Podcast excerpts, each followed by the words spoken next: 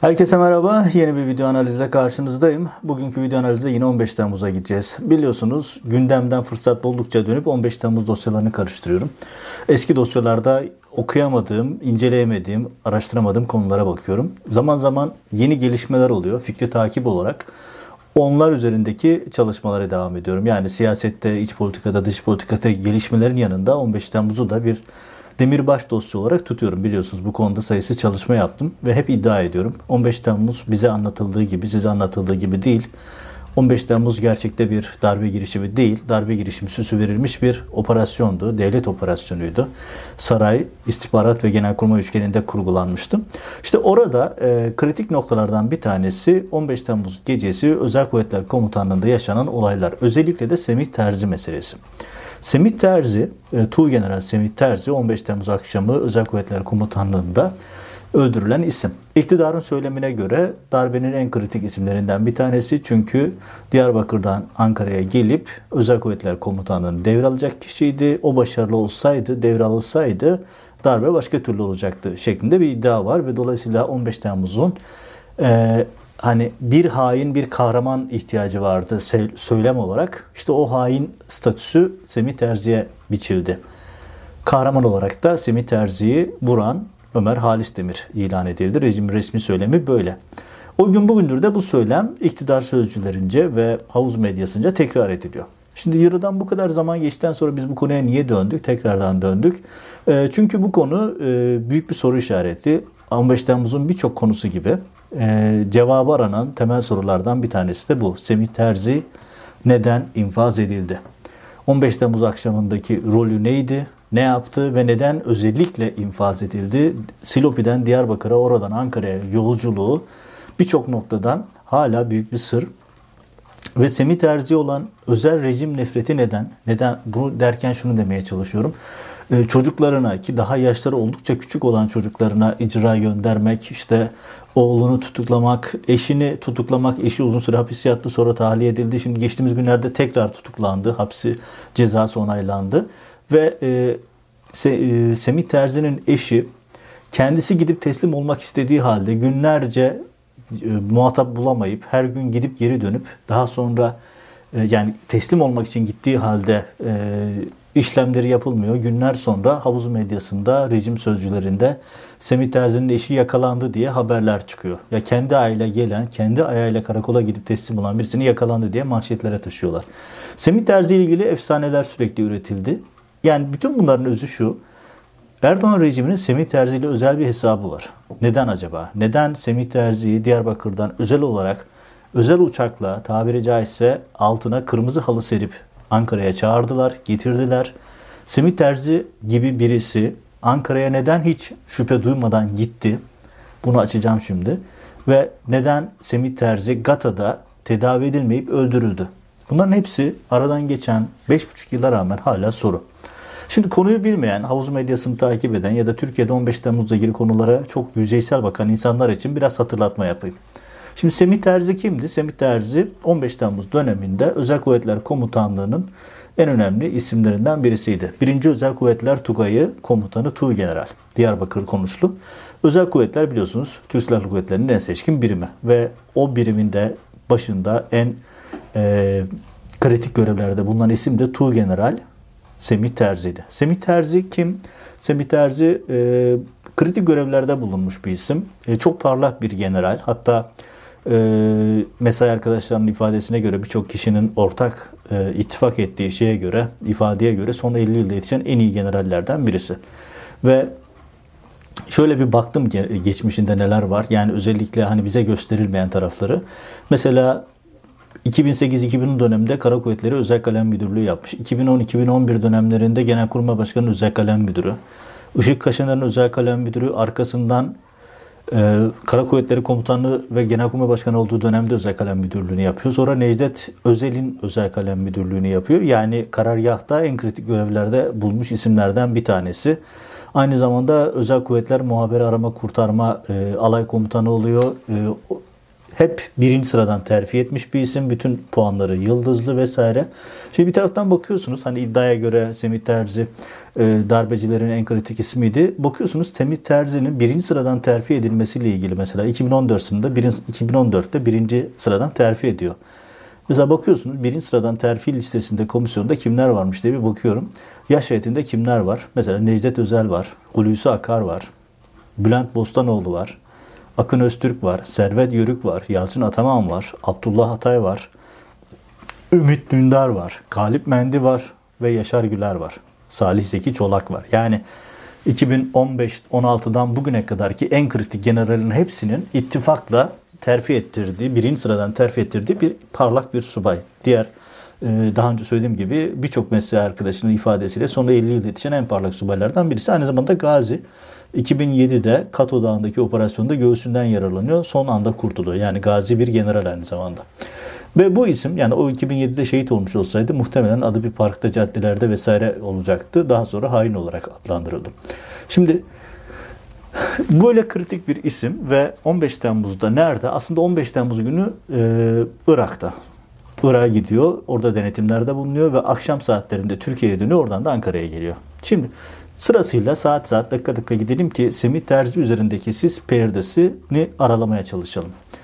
Şimdi özel kuvvetler 1. Tugay Komutanı Semih Terzi gerçekten baskına mı gidiyordu? İddia edildiği gibi özel kuvvetleri devralıp darbeyi mi yapacaktı? Yoksa ona verilen bir görev vardı. Onu yerine getirmek için gitti. Nasıl gitti? İşte yani Terzi'nin Diyarbakır'dan İstanbul'a gelişi zaten başlı başına 15 Temmuz hikayesini çökerten bir şey. Şimdi dakika dakika gidelim. Biliyorsunuz hani Erdoğan rejimi resmi söylemine göre 15 Temmuz'da e, bir binbaşı MIT'e gidiyor, ihbarda bulunuyor. İşte MIT'te ihbardan sonra genel kurmaya gidiliyor. Genel kurmaydan sonra işte Hakan Fidan'ın kendisi gidiyor. İşte Hakan Fidan e, Erdoğan'ın korumasını arıyor, ulaşamadım deniyor vesaire. O bildiğimiz senaryolar. Ve bilinen bir şey var. Akşam 17.30'da yani 5.30'da ki 15 Temmuz'da 5.30 akşamda değil daha gündüz saatleri Hulusi Akar e, Hakan Fidan'la yaptığı görüşmeden sonra Türkiye'deki hava sahasını kapatıyor. Ve bu emir Özel Kuvvetler Komutanlığı'na da saat 19.30'da ulaşıyor. 19.06'da Eskişehir'deki Hava Kuvvetleri Birleşmi, Birleşik Harekat Merkezi'ne gidiyor.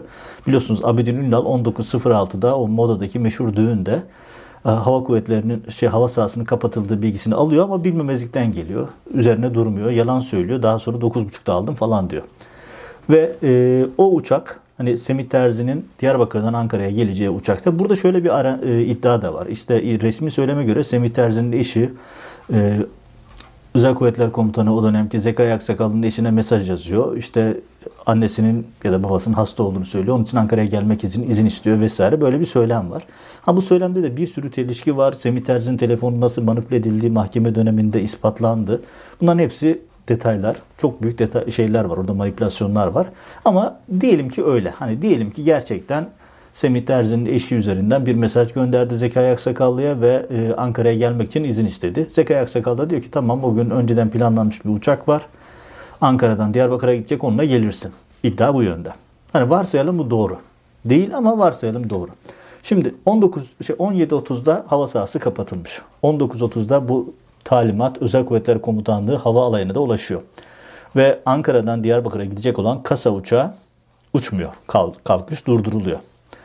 Ama ne oluyorsa 20.50'de bu sefer Hava, Hava Alay Komutanı Ümit Tatan ki Zekai Aksakallı'nın has adamlarından birisi bu kasa uçağının kalkma emrini veriyor. Emri de Zekai Aksakallı'dan aldığını söylüyor. Yani Türkiye'deki hava sahası kapalmış ama Semih Terzi'ye getirmesi gitmesi için gereken uçak özel talimatla Ümit Tatan'ın talimatıyla kalkıyor. Ve ifadeler var. Uzatmamak için o ifadelere tek tek girmeyeceğim. Sayfalarca ifade okudum bu konuda. Bütün e, ifade, kuledekiler, pilotlar ve görevlilerin hepsi diyor ki Ümit Tatan bu uçağın bütün hareketlerini çok yakın takip etti. Zeka Yaksakallı koordineli bir şekilde. Ve arkasından ne oldu? İşte o uçak, kasa uçağı Diyarbakır'a doğru yola çıkıyor. Bu seyahatin saat 23.02. Binali Yıldırım, dönemin başbakanı, televizyona çıktı ve dedi ki darbe girişim var, bir kalkışma var. Saat 23.02. O saatte Semih Terzi'yi almaya giden uçak nerede? Henüz Ankara'dan Diyarbakır'a doğru yolda, havada.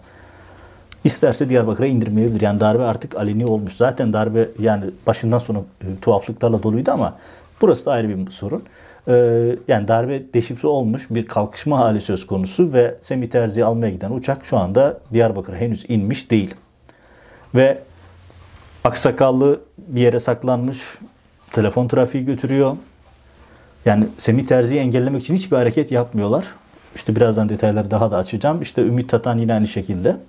Sonra Semih Terzi'nin de içinde olduğu Özel Kuvvetler 12. taburundan 28 kişilik personel 23.59'da Diyarbakır'dan Ankara'ya doğru hareketleniyor. Bakın kimse havalimanında engellemiyor.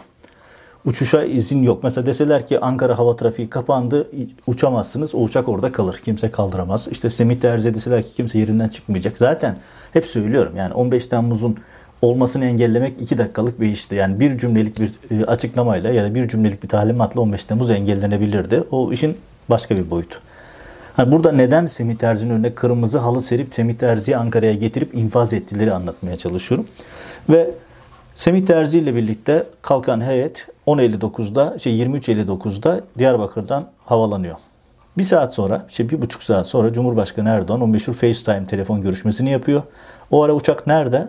Halkı meydana çağırdı saatlerde uçak Diyarbakır'dan İstanbul'a, şey Ankara'ya doğru uçuyor. Ve Erdoğan konuştuktan tam 45 dakika sonra Ankara'ya Etimeskut Hava Alay Komutanlığı'na iniyor. Hiçbir engelleme yok. Yani deseler ki pist kapalı inemezsiniz, o uçak geri dönmek zorunda kalır. Ee, iner, uçağın etrafı, hani Semih Terzi darbeci ya güya. Uçağın etrafını çevirirler, uçağın kapısını açmazlar, hiçbir şey yapılmıyor.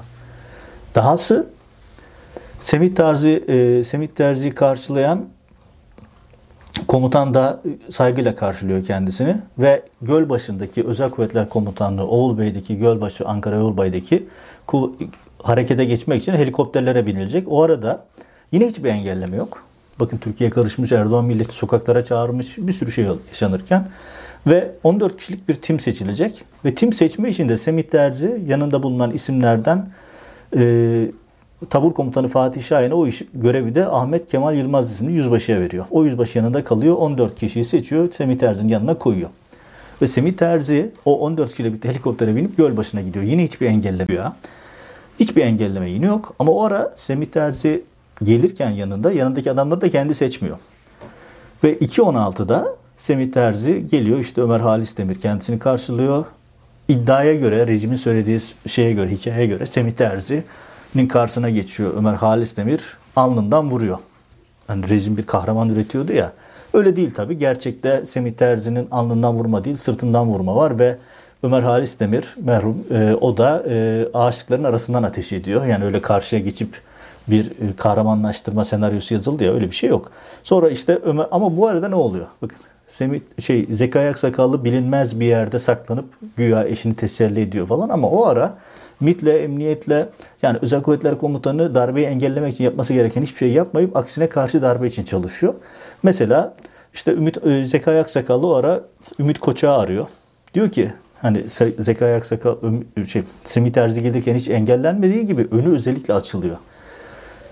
Birliğe, bir, birliğe giriş çıkışı durdunuz. Semih Terzi halinde hiç kimse içeri almayın diyor. Albay Ümit Bakın 7 Haziran 2017 Ankara 14. Ağır Ceza Mahkemesi'ndeki ifadesinde aynen böyle yazıyor. Yarbay Mehmet Ali Çelik'in işte 24 Nisan 2017 yine Ankara 14. Ağır Ceza Mahkemesi'ndeki ifadesinde diyor ki Zekai Aksakallı aradı. Semih Terzi hariç hiçbir kimsenin kışlaya girmesine izin vermeyin dedi diyor. Ee, yine e, Assubay Turgay Usanmaz yine aynı şekilde 14. Ağır Ceza Mahkemesi yine aynı şeyi söylüyor. Semih Terzi dışında kimsenin kışlaya girmesine izin verilmeyeceği söylendi diyor. Ee, Kurmay Albay Fatih Yarınbaş'ın e, Anka, Akıncı davasında verdiği bir ifade var. Orada diyor ki e, Eskişehir'deki birleştirilmiş hava harekat merkezindeki General Zekai Aksakallı arıyor. Uçak gelmesini isteniyor. Karşılığında da Türkiye Cumhuriyeti tarihinde o da karşılığında yani Zekai Aksakallı da Türkiye Cumhuriyeti tarihinde ilk defa bir general öldüreceğiz diyor. Karşısındaki ne oldu deyince telefonu kapatıyor vesaire. Böyle ifadeler var. Zekai Aksakallı'nın kendi ifadesine bakıyoruz. Üç ayrı ifadesi var Zekai Aksakallı'nın. Ee, en son ifadesi Gelibolu'da kızak göreve gönderildikten sonra o da bir sürü çelişki içeriyor ama konumuz o değil. Ömer Halis Devir'i 8 kere aradım. Semih Terzi'nin öldürmesini talimatı verdim. Terzi hain hakkını etmesini istedim. Hani bir kahraman üretiyor ya Zekai Aksakallı e, Ömer Halis Demir'e motive etmek için. Ya Semih Terzi darbeci mi? Darbeci ise neden Diyarbakır'dan getirdiniz? Uçağa özel gönderdiniz, yolunu açtınız. Yani Erdoğan konuşmuş, Cumhurbaşkanı konuşmuş, her şey olmuş. Saat iki buçuk falan. Ve engellemek yerine aksine özellikle kapılar açıyorsunuz. Hatta sadece o girsin diye. Ve akabinde e, Ömer Halis Demir'i 8 defa arıyorsunuz. Bir defa da değil. Bu ara Ömer Halis, Zekai Aksakallı mesela ne Genelkurmay Başkanı'nı arıyor ne de Kara Kuvvetleri Komutanı'nı arıyor. Yani darbeyi engellemek için yapması gereken hiçbir şey yapmıyor. Ama 8 defa Ömer Halis Demir'i arıyor Semih Terzi vurması için. Yani Semih Terzi darbeci ise bile çekip vuramazsınız. Yani orada hani böyle bir infaz yapamazsınız. Yani mahkemesi var vesaire. Neyse işin bu kısmı çok da mesele değil. Şu anda asıl meseleye gelmeye çalışıyorum. Peki o ara ne oluyor? Semih Terzi vurulduktan sonra Semih Terzi ile birlikte gelen 14 kişilik timin tamamı karşıya geçiyor. Yani düşünün Semih Terzi darbenin en kritik adamı ama beraberinde getirdiği tim kendi timi değil. 14 kişi karşı darbeye geçiyor ve Mihrali Atmaca Üsteğmen Ömer Halis Demir yar, Semih Terzi'yi yaraladıktan sonra kaçıyor bir ağaçlık alana gidiyor orada. Tabi ateş açıyorlar Ömer Halis Demir'e. Ömer Halis Demir yaralı yerde. Normalde ne beklersiniz? Hemen müdahale edip kurtarılmayı. Ömer e, Mihral Atmaca geliyor bakıyor ki Ömer Halis Demir yaşıyor. Göğsüne yakın mesafeden iki el ateş edip infaz ediyor Ömer Halis Demir. Ömer Halis Demir'i infaz ediyor. Herkes şaşırıyor yani ne yaptınız diye gibisinden. Ömer Halis, şey, Mihral Atmaca, Zekai Aksakallı'nın has adamlarından birisi. Ya düşünün Zek Semih Terzi'yi Halis Demir'i öldürtüyor. Halis Demir'i de Mihral Atmaca'ya öldürtüyor. Hatta ifadelerde bir şey daha var. Mihrali Atmaca'yı öldürmesi için de bir başkasını görevlendiriyor ama o bir şekilde başaramıyor. Yani böyle ilginç bir silsile oluşturuyor Zekai Aksakallı. Tabii Zekai Aksakallı mahkemelere gitmediği için bunlar sorulamadı kendisine. Sorulsaydı ya da mecliste böyle bir sorgulamaya sahip olsaydı olmadı. Ve kahramanımız Zekai Aksakallı sabah 10'da mahke- şeye geliyor. Karargaha geliyor. O görüntülerde var yayınladım. E, yerde yatan insanlara tekme yapıyor, işkence atıyor, bir, korkunç işkenceler yapıyor vesaire. Bu da işin şey kısmı, başka bir kısmı. Zeka Sakallı gidiyor, Ömer Halis Demir alnından öpüyor ve arkasından da Mihral Atmaca'yı da tebrik ediyor. Onu da aslanım deyip tebrik ediyor. Yani hem Halis Demir'i hem de e, Mihral Atmaca'yı tebrik ediyor. Ve e, Mihral Atmaca'nın bütün yargılama süreci boyunca kurtarıyor. Hatta beraberindeki 14 kişinin 13'ü de darbeyi önleyen kahramanlar diye ödüllendiriliyor. Böyle bir tuhaflık söz konusu. Yani hani iddia şu Semih Terzi darbeci ise yanındaki adamlar niye kendine değil? Yani Semih Terzi kuvvetle muhtemel şöyle bir düşünce içerisindeydi. Tabii ki bütün davaları okuyunca, anlayınca şey yapıyoruz, onu oturmaya gidiyoruz. Semih Terzi bir çatışmaya, bir teslim almaya gitmeye gelmiyor. Kendisine verilen bir görev var. O görevin de Hulusi Akar'dan geldiğini biliyor. Çünkü Göl e, Marmara'daki Marmaris davasındaki e, Erdoğan'ı almaya giden timin başındaki Gökhan Sönmez Ödeş diyor ki bana bu emri Semih Terzi verdi. O da Genelkurmay Başkanı'ndan emir almıştı diyor.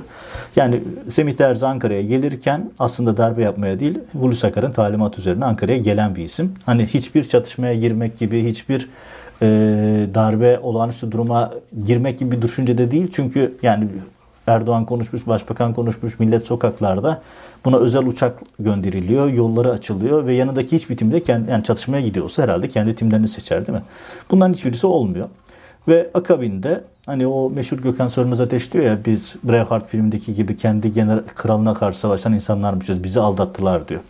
Ve akabinde işte Nermin Terzi, e, Semih Terzi yaralanıyor. Aslında o anda ölmüyor. E, hatta helikoptere bindiğinde yanında olan insanların ifadesi var. Orada diyor ki e, bilinci yerindeydi. Hatta kendisi yaralanmadan sonra e, yaralandıktan sonra endişe etmeyin çevre güvenliğini aldın talimatını veriyor. Yani konuşabiliyor bilinci yerinde. Katıya götürülüyor. Orada saatlerce müdahale edilmiyor. Ve sonra saat 6 gibi öldüğü söyleniyor. Semih Terzi'nin eşi Nermin Terzi doktor.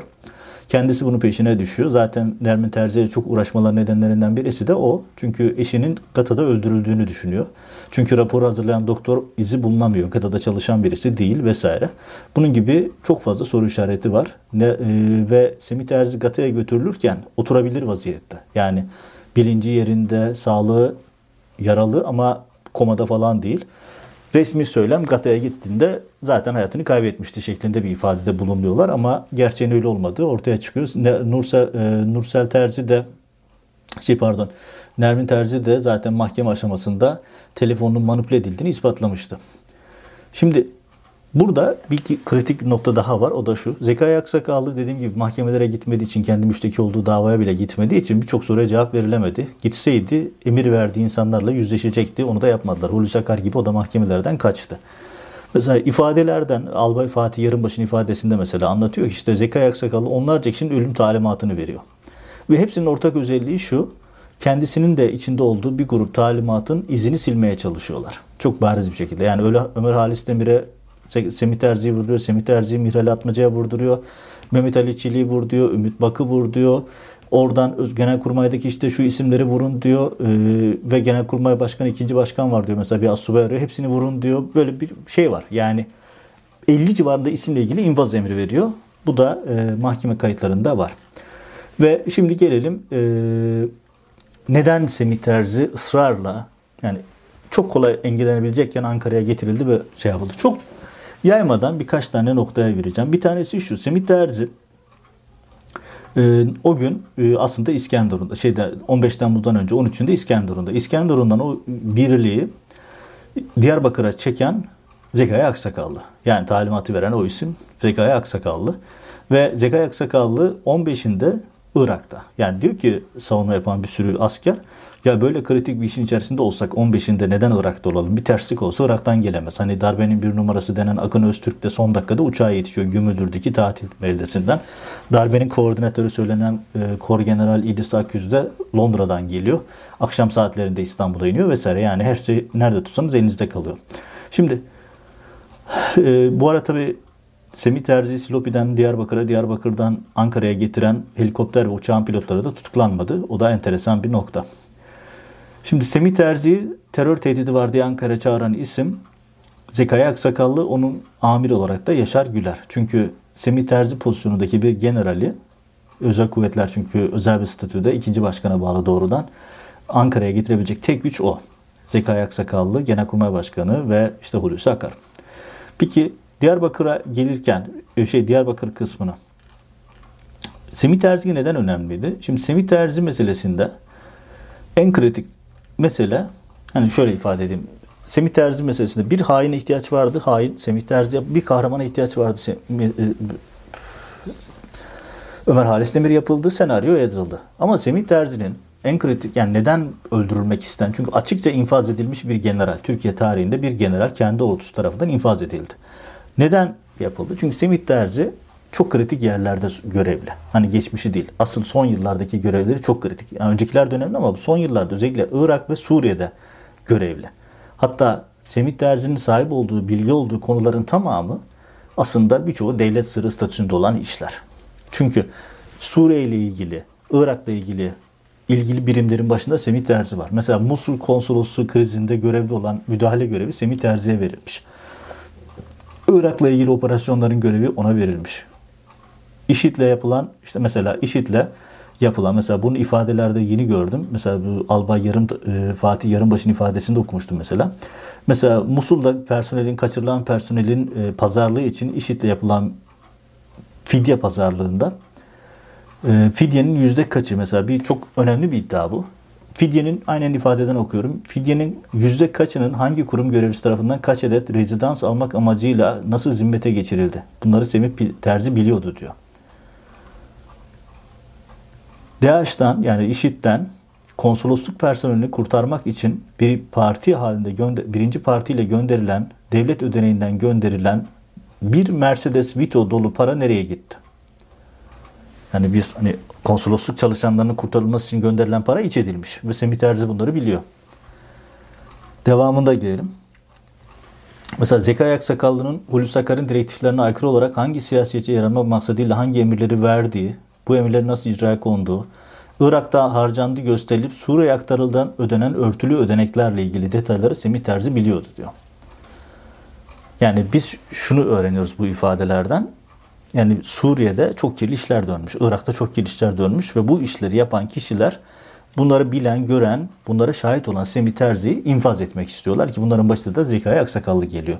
Çünkü Özel Kuvvetler Komutanlığı'nın örtülü ödenek kullanma yetkisi var. Başka bir birimin yok. DSK'da başka bu örtülü ödenek kullanma yetkisi olan başka birisi yok Özel Kuvvetler Komutanı dışında. Ve yani düşünsenize Suriye'ye aktarılan ve iç edilen paralar var. Yine devam ediyor başlıklar. Mesela IŞİD'den alınan petrolün Irak bölgesel yönetimi üzerinden ki orada Barzaniler üzerinden yapıldığı biliniyor bunun. Hangi kamu görevleri gayretleriyle hangi kurum olanakları kullanılarak Türkiye'ye ve ne kadar komisyon karşılığında sokuldu? Petrol ticareti biliyorsunuz Ruslar da bunu zaman zaman şantaj olarak Erdoğan'a karşı kullanıyor. Ve bütün bunların pazarlığı Suriye'de MİT'le yürütülen tüm örtülü faaliyetler. Bunların hepsini Semih Terzi biliyordu diyor. Mesela bunu söyleyen de Albay Fatih Yarınbaş, özel kuvvet, Yarınbaş özel kuvvetlerden. Ben de biliyorum Semih Terzi de biliyordu diyor. Bizi susturmak istiyorlar diyor. Çünkü biz bir takım kirli şeyleri biliyoruz. Onlara şahit olduk diyor. Irak'tan alınıp Suriye'ye gönderilen 16 milyon dolarlık silah alım var. Mesela bu başlı başına büyük bir skandal. 16 milyon dolarlık bir usulsüzlük işlem var. Ve silah alınmış, mühimmat alınmış, silah mühimmat birbirine uymuyor. İç edilen 16 milyon dolardan bahsediyor burada. Ee, Albay Fatih Yarınbaş diyor ki bu raporun bir rapor yayınlanıyor. Şey hazırlıyor özel kuvvetler bu silahların alımında usulsüzlük olduğu ve bir de TSK kendi başına silah alamaz. MIT alabilir yurt dışından silah alınacaksa. Yani her şeyle illegal bir operasyon yapılmış. Semih Terzi ve e, Halil Soysal isimli diğer bir general Halil Soysal general olmayabilir yanlış hatırlamıyorum. Ee, pardon e, Celal Koca e, iki isim imzalıyorlar bu raporu. Burada 16 milyon doların iç edildiği usulsüz işlem yapıldığı ile ilgili. Gelin görün ki 15 Temmuz'da öldürülen isimlerden bir tanesi Semih Terzi. Celal Koca da öldürülmeye çalışılıyor ama başarılı olamıyorlar. Ve bu 16 milyon dolarla ilgili raporun altında iki isim var. Semih Terzi bunlardan bir tanesi. Ve Semih Terzi'nin şahit olduğu bildiği olaylarla ilgili başka uzun hikayeler var. Ve yani hikayeler dediğim şeyler mahkeme ifadelerinde yer alan ifadeler ve Suriye ile ilgili yani özetle söyleyeyim Suriye ile ilgili bir sürü kirli kapaklı işin büyük paraların döndüğü, illegal işlerin yapıldığı, sivillerin ölümünden sorumlu olan bir takım olayların arkasında olan isimleri, kirli kapaklı işleri Semih Terzi biliyor. Çünkü görev yeri orası. Ve bunlara itiraz ettiği biliniyor. Hatta Zekai Aksakallı'nın Semih Terzi ile bir defa baya bir kavga ettiği de söyleniyor. İşte e, kendi aralarında baya bir atıştıkları da söyleniyor. Hatta Hulusi şeyin Zekai Aksakallı'nın işte yine ifadelerde var. E, bir bölgenin bombalanması emrine Semih Terzi karşı çıkıyor. Çünkü orada sivillerin olduğu iddiasıyla. Ve arkasından işte yine gerginlik yaşanıyor vesaire. Bunlar gibi şeyler. Mesela burada bir şey daha var. Mesela ilk defa okuduğum bir detay. Eğit Donat e, denen bir proje kapsamında Suriyeli muhafirler eğitiliyordu malum. Onların hepsinde yaşanmış büyük skandallar var. E, Semih Terzi yine itiraz ediyor burada bir takım şeylere.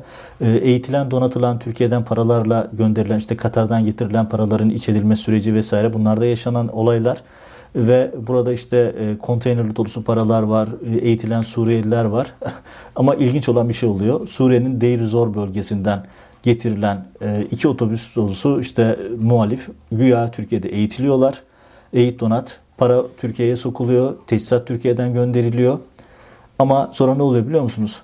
Onların hepsi ya Avrupa'ya kaçıyorlar ya da gidip IŞİD'e çalışıyorlar. IŞİD'e teslim oluyorlar. IŞİD'de para çok. Diyor ki Fatih Yarınbaşı ifadesinde IŞİD'de para çok. Banka soydular diyor Musul'da. Paraları çok. Bizim eğittiğimiz adamları IŞİD satın aldı diyor. Ve bunlar IŞİD adına gelip bizim içimize girip çıktılar diyor. Bütün bunlarla ilgili yani istihbarat adamları oldular diyor ve bunların hepsini Semih Terzi biliyordu. Biz de biliyorduk diyor. Ve bunlarla ilgili yazılan raporlar, bunlarla ilgili yapılan uyarılar e, hep yukarıdan geri dönmüş. Mesela biz diyor şunu da biliyorduk diyor. Mesela Suriye muharebetine teslim edilen muhalifler para karşılığında. Biz Özgür Suriye ordusunu donatıyoruz ama karşı tarafta işte çalışıyorlardı şeklinde bir takım şeyler var. Ya özetle diyor ki e, savunma yapan çok sayıda isim. Bunlardan bir tanesi Fırat Alakuş, o genel kurmay karargahına gelen isim. işte bir tanesi Fatih Yarınbaş, başka ifadelerde de var. Yani Suriye'de çevrilen bir takım kirli dolapların, işlerin, Irak'ta çevrilen bir takım kirli işlerin arkasında olanlar Semih Terzi'nin bunlara olan şahitliğini, itirazlarını bildikleri için Semih Terzi'yi infaz ettiler. 15 Temmuz'daki o e, büyük kumpasın önemli ayaklarından bir tanesi aslında Semih Terzi'nin orada özellikle infaz edilmesi.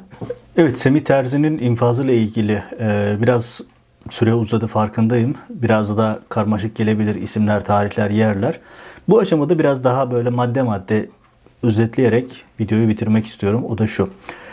Şimdi hatırlar mısın Sedat Peker ki son dönemde biliyorsunuz sesi soluğu çıkmıyor. E, videoları artık engellendi. Erdoğan Birleşik Arap Emirlikleri'yle olan ilişkilerini devreye soktu ve Sedat Peker'i susturdu. E, Sedat Peker'in ilk videolarında arkasında bir tane pano vardı hatırlar mısınız? O panoda Suriye, silah, Mersin Limanı, bir takım şablonlar vesaire vardı. Burada bir takım soru işaretleri vardı. Onların bir kısmı aslında bugün size anlatmaya çalıştığım Semih Terzi'nin çalıştığı ve Semih Terzi'nin şahit olduğu, bildiği, raporladığı, itiraz ettiği, kayda geçirdiği bir takım illegal faaliyetlerle ilgili. Tabi insan ister istemez acaba ne tür bir ilişki var? Eda Erdoğan rejimi ve aparatları şimdi o konuya bulaşan herkesi ya infaz ediyor ya da susturuyor. İşte Semih Terzi infaz edildi. Sedat Peker'i de susturmak, infaz etmek için her şeyi yapıyorlar. İnfaz edemediler ama susturmak konusunda şimdilik başarılı oldular. E, Sedat Peker de artık konuşamıyor. Tabii insan elimizdeki bilgiler mahkeme dosyalarına yansıyan ifadeler. Oradaki silah e, TSK mensuplarının açıklamaları. Maalesef Türkiye'de gazetecilik öldürüldüğü için kimse gidip o mahkemelerde ne oluyor ne bitiyor, bu insanlar ne anlatıyor dinlemiyor. İşte bizde yurt dışındaki birkaç gazeteci de aylar sonra ifadelere ulaşıp bir şekilde ifadeleri elde edip okuyup olayları resimli bütünlemeye çalışıyoruz. Şimdi bakın sırasıyla gideyim çok dağıtmadan. Şimdi Semih Derzi Suriye ve Irak'tan sorumlu en kritik isim özel kuvvetler. Yani TSK'nın en seçkin birliğinin başındaki en yetenekli mesai arkadaşlarının tabirine göre son 50 yılda yetişen en iyi general. Şimdi nelere şahit olmuş? Şimdi Musul'daki Türkiye konsolosluğunun, Musul konsolosluğunun personelinin IŞİD'den kurtarılması sürecini e, operasyonu yürüten, fidye pazarlığını yürüten isimlerden birisi bu. Ve diyor ki şey krize müdahale görevi pardon fidye pazarlığı değil. Mesela Fatih Yarınbaşı'nın, Albay Fatih Yarınbaşı'nın ifadesinden okuyorum bunları. Ee, Ankara'da e, Özel Kuvvetler Komutanlığı Mahkemesi'nden ifade okuyorum. Diyor ki mesela DAEŞ'e verildiği iddia edilen fidyenin yüzde kaçı hangi kurum görevlisi tarafından kaç adet rezidans almak maksadıyla nasıl zimmete geçirildi? Şimdi bakın yani örtülü ödenekten ya da Türkiye hazinesinden işi de e, konsolosluk çalışanları için kurtarma amaçlı verilen fidyenin bir kısmı birileri tarafından zimmete geçirilmiş ve bunlarla rezidans alınmış. Bunların kaydı var. Ee, konsolosluk personelini kurtarmak için birinci partiyle gönderilen devleti ödeneğinden gönderilen Mercedes Vito dolusu dolar nereye gitti? Ben bunu ilk defa okudum. Yani ifadelerde ilk defa rastladım. Çünkü ifadeleri daha önce görme imkanım olmamıştı bu konuda. Düşünsenize yani konsolosluğu konsolosluk çalışanlarını kurtarmak için Türkiye hazinesinden para gönderiliyor. Bir Mercedes Vito marka ki bayağı bir para alır o kadar. Çünkü 17-25 Aralık'tan hatırlayın Erdoğan'a sıfırlamadığı dolarlardı bir Mercedes Vito ile e, Çalık Banka gönderilmişti. Aktif Banka gönderilmişti pardon. Çalık Holding'e gitmişti. İşte mesela Irak'ta harcandığı söylenen o para kayıp. Irak'ta harcandığı söylenen Suriye'ye aktarıldığı, öde, aktarıldığı iddia edilen örtülü ödenekten kim ne kadar zimmete geçirildi? Hangi örgütlere ne kadar para aktarıldı? Bu bir soru. Bunu soran bir özel kuvvetler albayı. Ve diyor ki bu tip illegalitelerin hepsine Semih Terzi itiraz etti, şahit oldu. Bunları rapora tuttu, kayda geçirdi. Mesela diyor ki yine Yarınbaşı'nın ifadesinden, Fırat Alakuş'un ifadesinden e, bölümler okuyorum. İşitten alınan petrolün Irak bölgesel yönetim üzerinden ve burada bulunan bir aşiret siyasetçi işbirliğiyle hangi kamu görevlilerinin gayretleriyle hangi kurum olanakları kullanılarak Türkiye'ye ve ne kadar komisyon karşılığında sokulduğu bu pazarlığı ve Suriye'de MIT'le yürütülen faaliyetleri ben biliyorum. Semih Derzi de biliyor. Bir gün devlet anla sorarsa anlatırız diyor Fatih Yarınbaş. 16 milyon dolarlık silah meselesi. Irak'tan alınıp, ya düşünün özel kuvvetler örtülü ödenekten Irak'tan silah alıyor. 16 milyon dolarlık. Bunları Suriye'deki muhaliflere götürecekler. Ama silahlarla mühimmat uyuşmuyor. Yani en temel biri elma biri armut. Ve Semih Terzi diyor ki ya bu olmaz. Zekai Aksakallı ile birlikte e, bir general daha var. Halil Soysal. Bu e, alıma imza atan isimler. Diyor ki bu olmaz çünkü burada büyük bir yolsuzluk var. Yani bu silahlar kullanılamaz. Burada çok ciddi bir e, para iç edilmesi söz konusu. Ve e, 2016'da bu konuyla ilgili bir rapor hazırlıyor Semih Terzi. Semih Terzi ile birlikte raporun altında bir isim daha var. Celal Koca. Ve 15 Temmuz akşamı Semih Terzi infaz ediliyor. Celal Koca öldürülmekten son anda kurtuluyor. Önemli. Yani 16 milyon dolar iç edilen bir usulsüzlüğün izini sürdükleri için de başları dertten kurtulmuyor. Mesela Semih şey, e, Zekai Aksakallı'nın hatırlarsınız 30 Mart seçimleri öncesinde e, Dışişleri Bakanlığı'ndaki bir toplantıda Hakan Fidan'a atfedi, Hakan Fidan'ın kendi sesinden dinledik gerçi. işte karşı tarafa 3 asker gönderir bu tarafa şey 3 adam gönderir bu tarafa 500 attırır savaş çıkartırım diyordu. Meğer aynı şeyi Zekai Aksakallı da yapmaya çalışmış. Diyor ki mesela X yarbaya görev veriyor. Diyor ki gidin şunlara para verin. Şurayı burayı bombalasın. Suriyeli savaşa girmek için bir takım kumpasların içerisine girdi diyor. Bütün hesabı kitabı siyasilerle bağ kurmaktı diyor Zekai Aksakallı için. Hulusi Akar da bunu biliyor. Hulusi Akar bir anlatsa neler olur diye konuşuyor. Mesela ısrarla söylenen şeylerden bir tanesi özel kuvvetler davasında Hulusi Akar'ın mahkemeye gelmesi oldu ama mahkemeye gitmedi Hulusi Akar. Ne meclise gitti ne mahkemeye gitti. Tabi buralarda e, çok ciddi anlamda e, karartma yapıldı.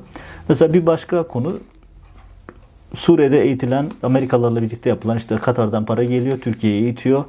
E, o konteyner dolusu dolarlar ve Amerikalıların desteğinde yapılan eğit donat. Meğerse orada çok büyük skandallar yaşanmış. Ya gerçekten diyorum ben Türkiye'de olabilseydim 15 Temmuz yargılamalarını gider gün gün izlerdim. Çünkü yakın tarihin çok kritik olaylarına dair inanılmaz detaylar var bu ifadelerde. Mesela Fatih Yarınbaşı'nın ifadesinde diyor ki ya Suriye'nin Deir Zor bölgesinden getirilen adamlar eğittik, donattık. Bunların bir kısmı daha Suriye'ye geçmeden Avrupa'ya kaçtı diyor. Bir kısmı işi tarafına geçti. İşit onlara maaş verdi. Biz eğittik, biz donattık. Bize gelip gittiler, Türkiye'ye girdiler, çıktılar ama işit adına istihbarat topladılar diyor. Son derece enteresan detaylar var burada. Ve burada büyük skandallar yaşandığını söylüyor. İşitlerle yapılan işlemler. İşte Semih Terzi e, bunları biliyordu, itiraz ediyordu diyor. Mesela Suriye'de Özgür Suriye ordusu diye hangi radikal örgütlere ne kadar silah ve para verildiğini biz biliyoruz diyor özel kuvvetler cisimler. Semih Terzi de biliyordu. Hangi kamu görevlileri tarafından, şu ifadeyle ifadeden okuyorum, hangi kamu görevlileri tarafından hangi radikal örgütün üst düzey mensubu özel hastanede Özgür Suriye Ordusu savaşçısı gibi tedavi ettirildi ve parası devlet tarafından ödendi. Bakın çok önemli. Veya acaba bizimkiler işit ya da yani bizimkiler derken devleti kastediyorum. İşit ya da El-Kaideliler ya da başkalarını Özgür Suriye Ordusu yöneticileri deyip Türkiye'de tedavi ettirdi. IŞİD'le olan ilişkilere dair. Hani düşünüyorsunuz e, Ruslar ne zaman bu kapağını açsalar Erdoğan geri adım atıyor. Demek ki orada saklamaya çalıştığı çok büyük işler var ve bu işleri Türkiye içerisinde bilen insanlar da Semih Terzi örneğinde olduğu gibi infaz ediliyor. Mesela Suriye'de düşürülen uçakla ilgili yine kamuoyuna yansımayan çok önemli şeyler var diyor savunma yapan askerler. Ve Türkiye'deki akaryakıt kaçakçılığı, IŞİD üzerinden yapılan akaryakıt kaçakçılığı, yine orada biliyorsunuz Berat Albayrak'ın adı karışıyordu. E, Wikileaks belgeler ne kadar çıktı. E, Suriye ile yapılan silah kaçakçılıkları ve bir sürü detay diyor. Bunlarla ilgili hani Albay Yarınbaşı'nın ifadesinde diyor ki bugün devlet bunlarla ilgili bize fikrimizi sorarsa, şey bilgimizi, şahitliğimizi sorarsa anlatırız diyor. Kendisi özel kuvvetlerci malum. Ve Semih Derzi bütün bu olayları bilen, bütün bu olayların içerisinde olan, gören ve bunlarla ilgili şahitliği, konuşması halinde birçok üst düzey ismin başını belaya sokacağı bilgileri bildiği bir isim olduğu için 15 Temmuz akşamı infaz edilmiş öyle gözüküyor. Mesela yine diyor ki Elbap meselesi mesela hani Türkiye'de kahramanlık hikayeleri yazıldı. Erdoğan şehitlerin tabutlar üzerine kolunu koyup miting yapıyordu hatırlarsınız. 25 şehit vardı orada. 25 şehitle ilgili meğerse bize kahramanlık hikayesi olarak anlatılan olayın perde arkasında büyük skandallar yaşanmış. Mesela bir savunmada diyor ki işte 10 Leopard tankı, 5 sırtlı araç tamamen imha edildi. Çalınan fırtına obüsleri vardı diyor. Dünya tarihinde böyle bir rezalet yoktu diyor savunma yapan albay. Maalesef tabur komutanı şehit oldu. Onlarca insan orada şehit verdik diyor ve kahramanlık hikayesi yazan Zekai Aksakallı'ya kimse bunun hesabını sormadı diyor. Bu da işin bir başka boyutu. Yani hep diyorum bu ifadeleri keşke takip etme imkanımız, bütün boyutlarıyla inceleme, izleme imkanımız olsa ama olmuyor maalesef. Buradan özetle şunu söyleyeyim bitirirken çok da uzattım. Ee, yarım saati geçti. Ee, simit terzi meselesi 15 Temmuz'un büyük muammalarından bir tanesi.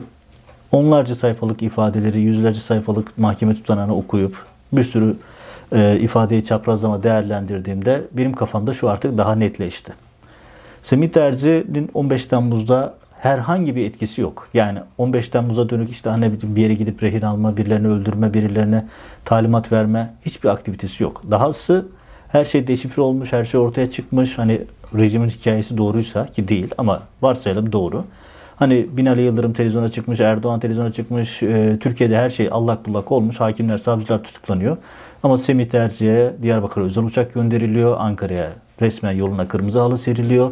Ee, Oğul Bey'e helikopterle gönderiliyor ve orada infaz ediliyor. Hatta infaz esnasında hayatını kaybetmiyor. Yaralı bir şekilde oturarak vaziyette helikoptere binebildiği halde Gata'da öldürülüyor. Hatta Gata'da müdahale etmeyip Semih Terzi'nin ölümüyle ilgili sürede çok ciddi şaibeli işler olan bir isim albayda daha sonra terfi edip general yapılıyor. Hatta bir mahkeme tutanağı var. Şimdi uzatmamak için ifadelere tekrar girmeyeceğim. Zekai Aksakallı Gata'yı arıyor. Ve e, oradan Semih Terzi'nin sağ çıkmaması talimatını veriyor ki bunda mahkemede ifade olarak veren tanıklar var. Yani özetle söyleyelim 15 Temmuz'da çok kirli bir oyun uygulandı, oynandı. Türkiye tarihinin en karanlık gecelerinden, günlerinden birisiydi. Onun içerisinde yine en az 15 Temmuz kadar kirli, karanlık kumpaslar var. İşte onlardan bir tanesi de Semih Terzi.